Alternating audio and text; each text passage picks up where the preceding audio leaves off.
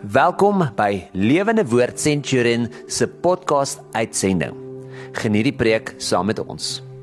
Here baie dankie vir die voorreg wat ons het om weer lekker by mekaar te kan kom in u teenwoordigheid. Here dankie dat as ons so sing en u loof en prys en en hoor hoe mense u naam groot maak. Here dan dan is dit eintlik 'n tyd wat ons op u wil kom fokus en en en ons in ons harte wil kom stil word en sê Here gebruik u woord om ons lewens volgens u uh, waarheid in te rig, reg te maak sodat ons solied kan wees op dit wat U ons leer. Here, ons wil U volg want ons het U lief. Dankie Jesus. Amen. Dis vir my lekker om saam met jou te kuier. My naam is Wouter van der Merwe. Ek is van Lewende Woord Centurion en ek wil saam met jou kuier oor kultuur. Ek ek uh, um dink so aan kulture deesdae en as ek die oorlog in Rusland en en Oekraïne dophou en ek uh, jy kry so 'n prentjie van die Oekraïense en selfs die die die die Russiese kultuur uh, dan besef jy daar's daar mense in die kultuur wat heeltemal anderste as ons is. Uh hulle doen goed heeltemal anders as ons. Ons is baie bewus daarvan in Suid-Afrika. Hier bly 'n klomp kulture saam. Uh ek het 'n dogter wat onlangs Ierland toe getrek het. En en ons het nou weer gisteraand met my dogters almal 'n 'n 'n FaceTime oproep gehad of 'n WhatsApp groep call wat ons almal met mekaar gesels. En nou vertel sy vir ons sekere van die kultuuruitdagings en sekere van die goed. Wys vir ons produkte wat hulle daar het wat ons nie het nie. Lekker roomys uh ander goed. En en en dan gesels hulle oor die kultuur goedjies wat hulle tussen die ure in Dublin ervaar. En en ek is ek is so bewus daarvan ja daar daar is verskillende kulture en daar's verskillende maniere van dinge doen. Uh en En en ek wil dit weer pertinent sê as ons praat oor kulture is dat wat 'n wonderlike voorreg om 'n Afrikaner te wees. Ek's 'n Afrikaner. As jy dalk Engels is of dalk as jy Zulu of Sotho en jy verstaan Afrikaans en jy luister na my, dan wil ek vir jou sê jy het 'n voorreg as jy 'n Zulu is om 'n Zulu te mag wees. Jy het 'n voorreg om 'n Khoza te mag wees. As jy Engels en Suid-Afrikaans is, het jy 'n voorreg. Uh wees trots op jou kultuur. Dis heeltemal alright. Maar ons as Afrikaners is nie skaam oor ons kultuur nie. Ons is trots op ons kultuur. Ek is geweldig trots. Man, ek geniet dit om Afrikaner te wees. Ek hou van braai. Ek hou van Afrikaans praat. Ek hou van Afrikaanse musiek. Nie alle Afrika en deesdae Afrikaanse musiek kan bietjie weird wees, maar daar's daar's goed in ons kultuur wat net man, dis my land hierdie. Dis my mense. Dis my kultuur.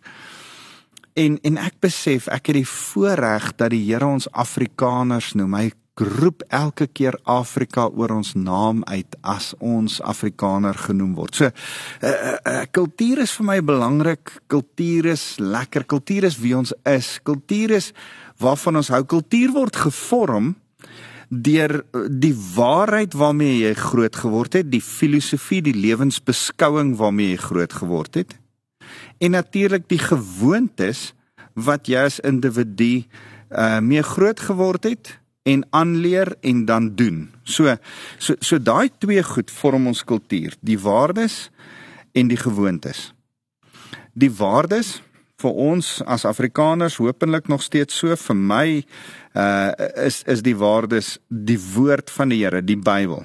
Dis die waardes. Die gewoontes het verander. Natuurlik het die gewoontes verander van die eerste van 'n 100 jaar terug. Afrikaner 100 jaar terug en Afrikaner nou eh, lyk like verskillend. Ons het 'n ander gewoontes. Uh man, 30 jaar terug het ons nie geweet van WhatsApp en Facebook nie. En ons kultuur lyk like anders te nou as wat dit ge gelyk het. Jy hoef net 'n paar ou advertensies te kyk, dan kom jy agter ons kultuur het verander uh as jy die hare van die ou van die ou dae kyk dan besef jy ons kultuur het verander. En en en dit moet so wees. Maar ek en jy moet sê, Here, Wat is ons? Wat glo ons? Wat is ons waarheid? Is dit die woord? Rig ek my lewe, my persoonlike lewe, my gesinslewe, my kerklewe, my uh gemeenskapslewe, die mense wat om my leef, vriende, familie, uh werksmense, leef ek my lewe, rig ek my lewe volgens die waarheid in? Is dit my waarde? En wat is die gewoontes waarvolgens ek my lewe inrig? So, waarde en gewoontes. Hoe lyk my kultuur? Het het jy al vir jouself afgevra? Ek ek wil hê jy moet doelbewus aan jou gesin se kultuur dink. Ek wil hê jy moet doelbewus aan jou werksplek of jou blyplek se kultuur dink. Wat se kultuur het jy? Jy sien die gewoontetjies, die manier van doen, die waardes wat jy het bepaal daai kultuur en jy moet dit agterkom. En en vandag wil ek met jou so bietjie rondom hierdie kultuur gesels want ek glo dat as ons intentioneel oor kultuur gesels, kan ons sekere skuwe maak in ons kultuur. Geen kultuur want geen kultuur is perfek nie. Geen kultuur is 100% reg nie, want mense bepaal die kultuur en mense het het almal sonde. en en daarom ons as Afrikaners dink ons het die beste kultuur in die hele wêreld. En ons het dis 'n baie goeie kultuur. Maar daar's ook foute. Daar's ook tekortkominge. Net soos in al die ander kulture reg oor die wêreld. Man, moenie dink jy gaan Amerika toe en jy gaan in die beste kultuur in die hele wêreld leef nie. Inteendeel, die waardes daar en die gewoontes daar is nie noodwendig so goed soos op ander plekke nie. So as ons dan praat van wat's die kultuur in jou uh, van jou persoonlike lewe, wat's die kultuur van jou gesinslewe, wat's die kultuur van jou kerklewe? Dan sê ek, hy, ons as Christene in Suid-Afrika, groter kerk, het 'n kultuur. En, en kan ek met jou praat oor daai kultuur? Hoe is dit veronderstel om te lyk? Ek as Christen, ek as Christen gesin in die kerk van die Here, in die groter kerk van die Here, hoe lyk ons kultuur?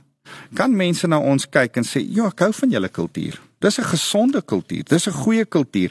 Uh ek sien julle het 'n waardesisteem, die Bybel. Ek sien julle gewoontes is goed uh ek ek vertel altyd vir my gemeente dat daar's 'n paar goeie gewoontes wat ek die gemeente aan wil blootstel. Goeie persoonlike gewoontes, lees jou Bybel elke dag. En begin jou oggend met Bybel lees. Ek probeer vir die gemeente voorbeeld wees deur dit elke oggend te doen en uh dan 'n stukkie op 'n app, ons kerk se app te laai om hulle te wys dis wat ek vandag gelees het. Ek wil hulle in die gewoonte kry om daagliks Bybel te lees.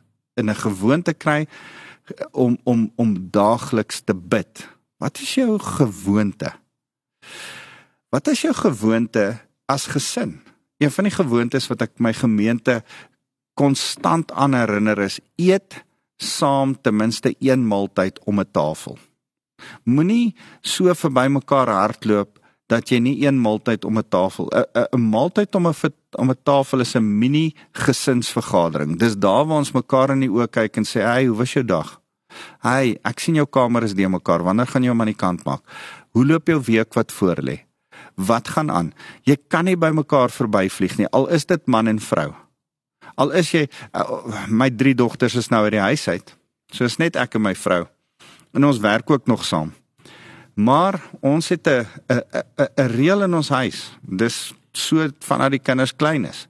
Ten minste een van die drie etes doen ek en sy saam om 'n tafel. Net om mekaar in die oë te kyk, mekaar te sê hoe gaan dit? Wat gaan aan nou?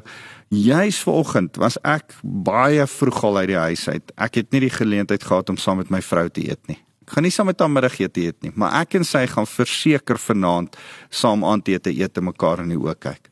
En en en ek wil vir jou sê as jy ontbyt saam met jou man of jou vrou kan eet, saam met jou kinders kan eet, des te beter.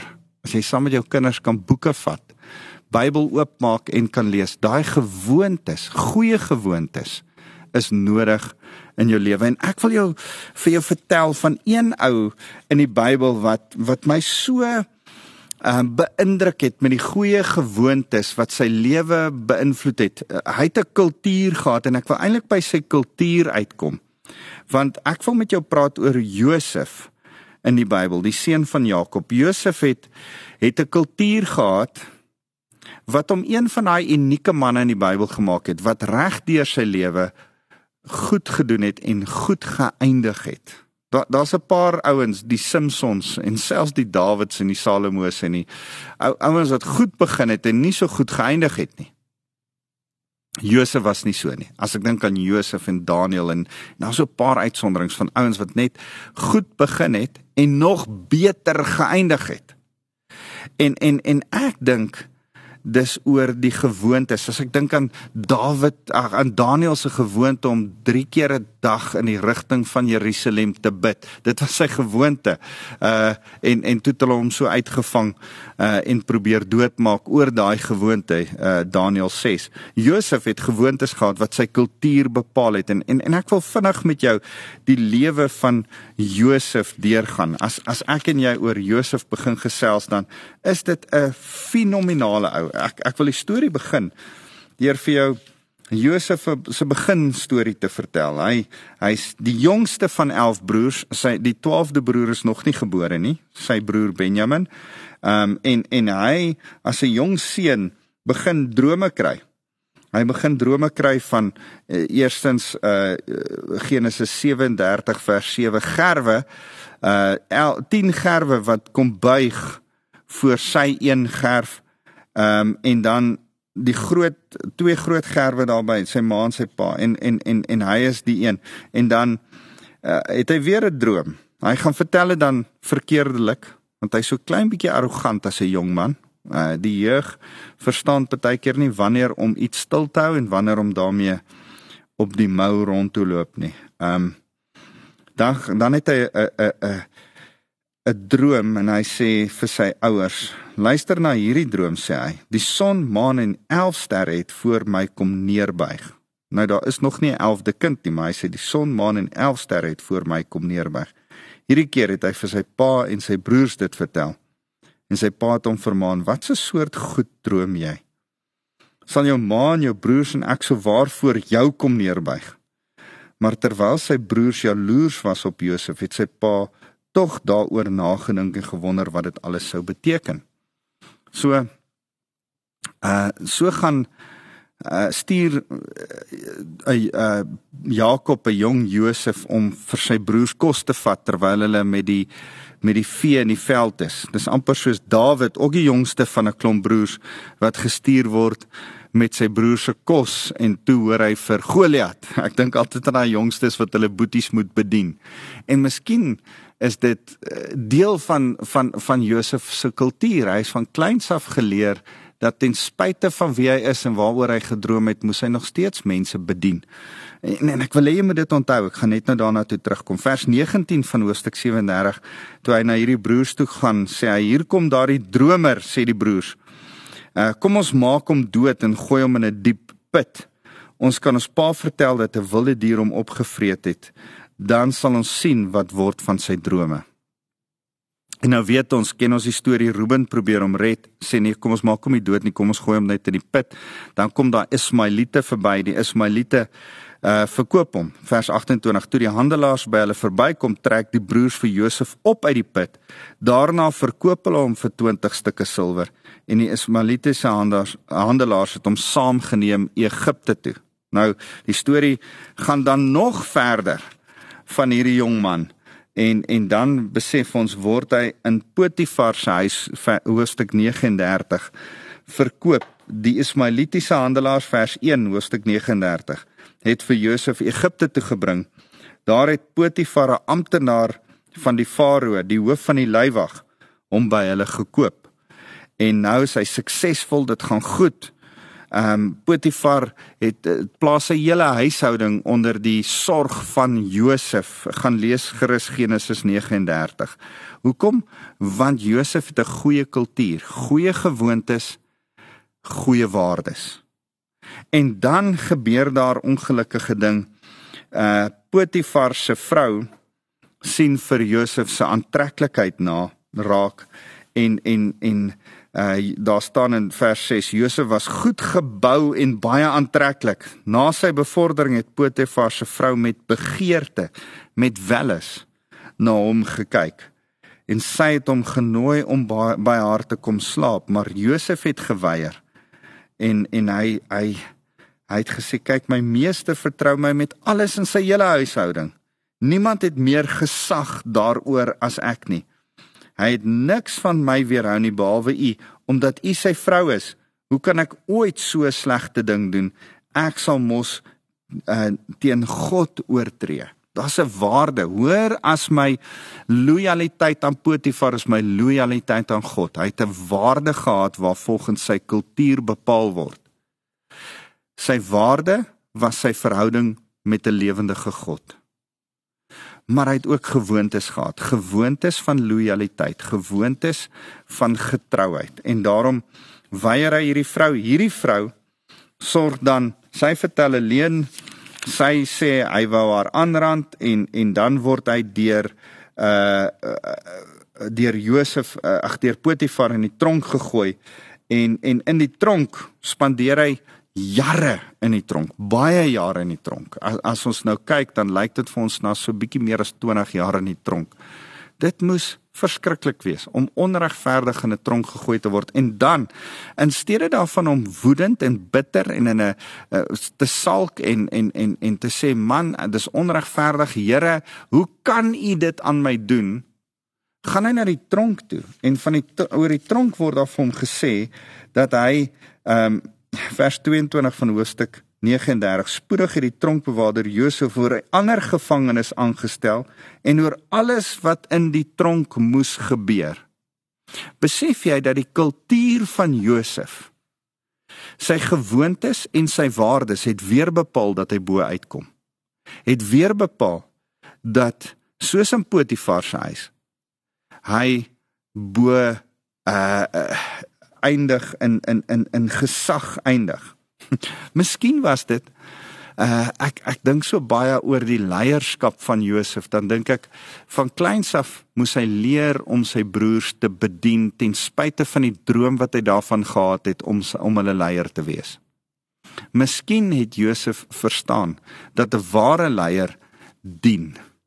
En of ek 'n slaaf in Potifar se huis is, ek gaan dien. Ek gaan hom bedien. En of ek vals beskuldig word en in die tronk gegooi word, ek gaan nog steeds bedien en my beste word, want wanneer ek dien, word ek 'n leier. dis dis so 'n wonderlike voorbeeld.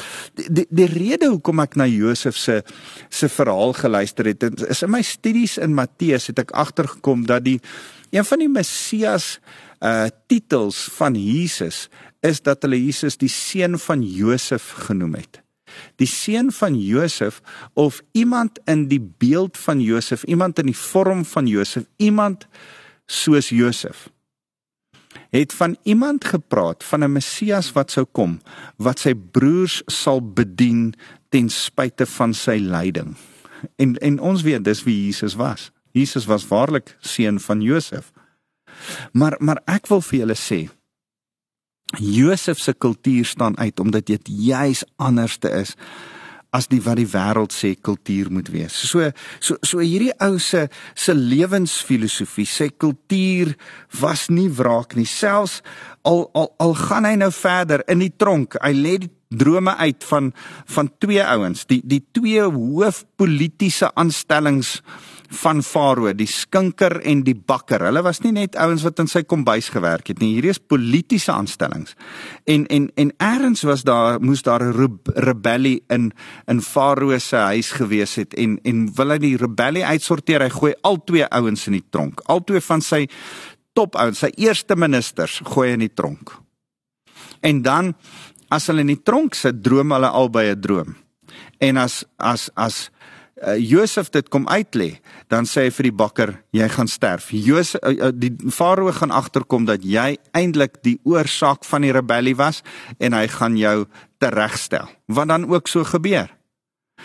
Maar die skinker sê hy voor uh Farao gaan agterkom dat jy nie in die rebellie betrokke was nie en jou in ere weer herstel en dan gebeur dit so. maar weet jy wat gebeur met Josef? vir 2 jaar word hy vergeet. Hierdie skinker vergeet van hom. Josef vra moet asseblief nie van my vergeet nie. En dan vergeet hy van hom. 2 jaar later, hoofstuk 41, dan droom Farao 'n droom.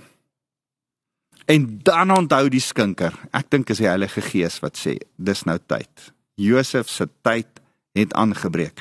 Dan onthou die skinker van daardie ou met die kultuur wat nie kwaad geword het nie, wat goeie waardes gehad het wat 'n uh, 'n uh, 'n uh, goeie gewoontes in die tronk gehad het van mense bedien selfs hierdie twee prominente gevangenes te bedien met die waarheid ten spyte van wat met hom kon gebeur het as hy hierdie hooggeplaastes die ware droom uitleg gegee het.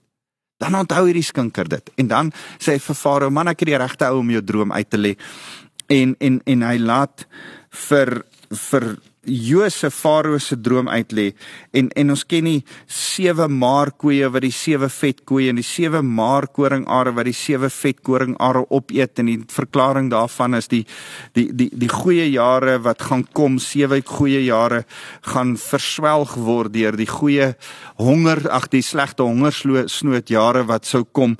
Farao is so beïndruk met Josef se uitleg van die droom en sy wysheid wat hy daarbey saam ook vir Farao somme ekstra gee as 'n goeie bestuurder want hy was immers al die bestuurder van van Potifar. Se huis hy was immers al die bestuurder in die tronk.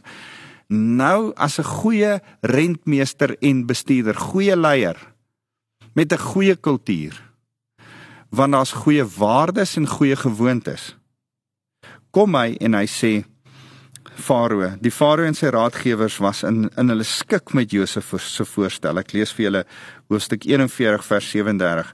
Die Farao beraadslag toe met sy amptenare. Waar sal ons nog iemand kry soos hierdie man? Hy het verseker die gees van die gode in hom, nie van die gode nie, van die God. Hy draai om toe na Josef toe en sê God het die betekenis van hierdie drome aan jou bekend gemaak. Niemand is ook nog so wys en verstandig soos jy nie. Ek stel jou nou aan oor die projek en oor die paleis en jy sal oor al my onderdane gesag hê. Net ek sal meer meer mag hê as jy. kan jy hierdie wonderlike ding sien? Terwyl ek bid oor hierdie boodskap, wys die Here my hierdie ding. Dat Josef se pa hom verwerp, sy broers het hom vermoor, eintlik beplan om hom te vermoor. Hulle het hom verpletter. Sy broers verraai hom en saam met die Ismaeliete verkoop sy broers hom. Potifar verkil verkil hom. Uh in die tronk vergeet hulle van hom. En in sy hele Egipte uh tyd is hy verlate.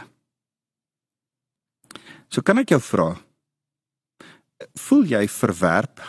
Vermink, verpletter, vermoor, verraai, verkoop, verkil, vergeet, verlate? Het iemand jou eers al in jou lewe verwerp of verraai? Het iemand jou al eers in besigheid verkil?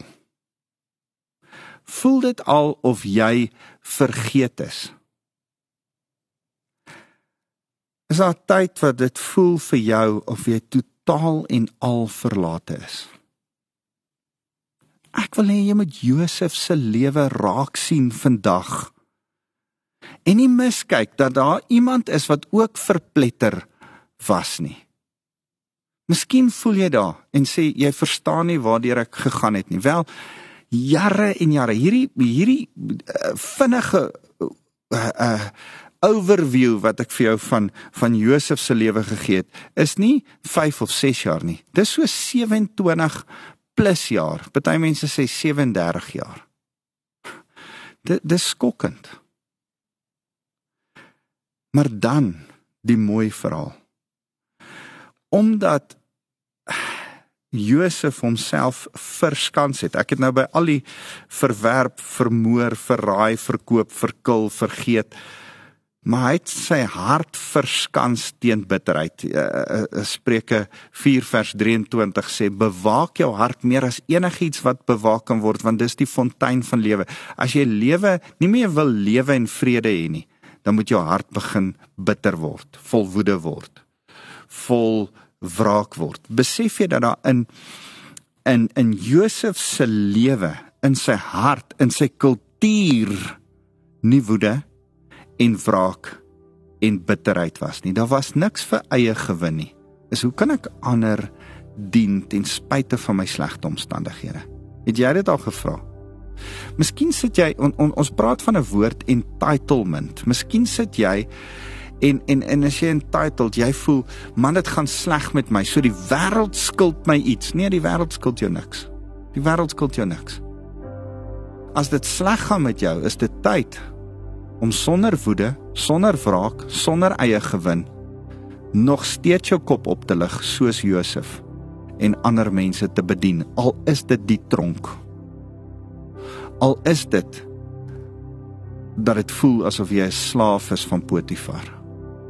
Dan is dit nog steeds die tyd om getrou in jou kultuur met goeie gewoontes en goeie waardes te dien. Die minste te wees ander te help by te staan jy sien ek besef jy het, jy het een van twee vrae die bottom line is jy moet een van twee vrae antwoord as jy vra wat kan ek hieruit kry gaan daar een of ander tyd bitterheid in jou hart uit, uitkom. Veral as jy niks kry nie en dit gaan sleg met jou. Maar wanneer jy konstant in jou kultuur en jou lewensfilosofie die vraag afvra, wat kan ek gee? Dan gaan jy altyd nog iets kry ook wanneer jy gee. Josef, alles dit 'n lang verhaal het hy op die ou ende gekry. Wat het hy gekry? Die Here het hom vereer. Die Here het hom versorg en die Here het hom vervul. Kan ek met jou oor daai drie verre praat? Ah, oh, dit is so mooi. Die Here het hom vereer.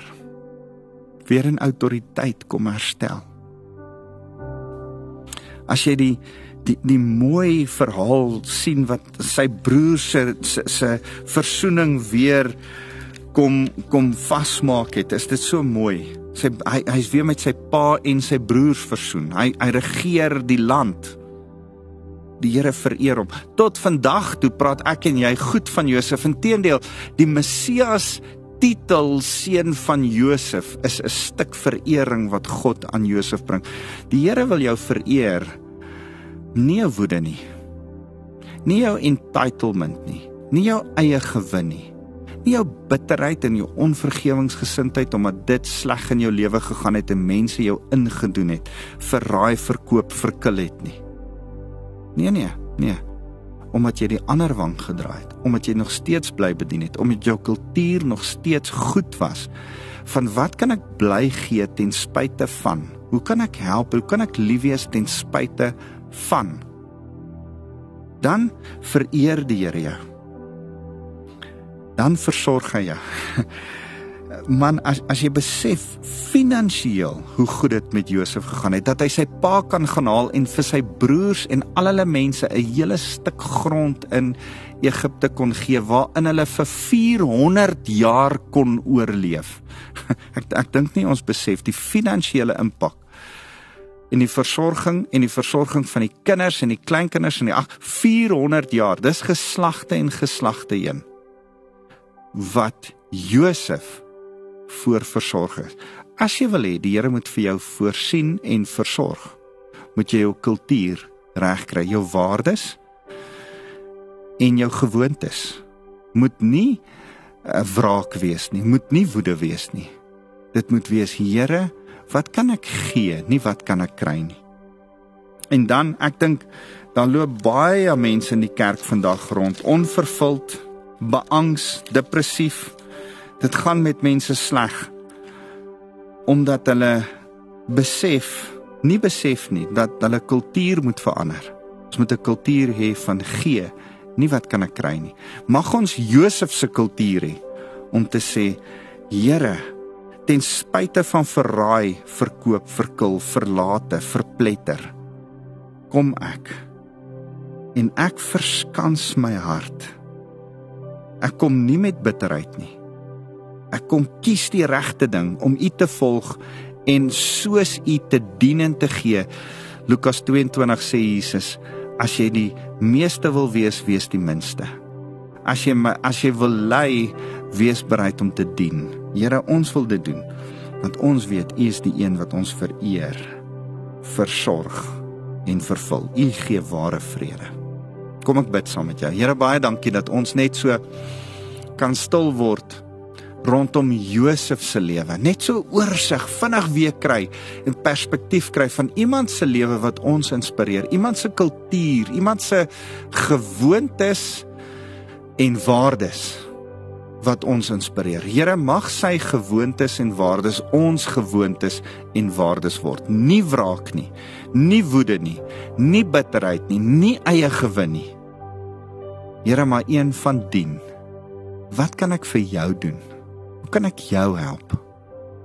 Hoe kan ek ander oplig en help, Here, want daarin vereer U ons, versorg U ons en ander, maar U versorg ons en U vervul ons. Dis lekker om dit vir U te doen as ons dit vir ander mense doen.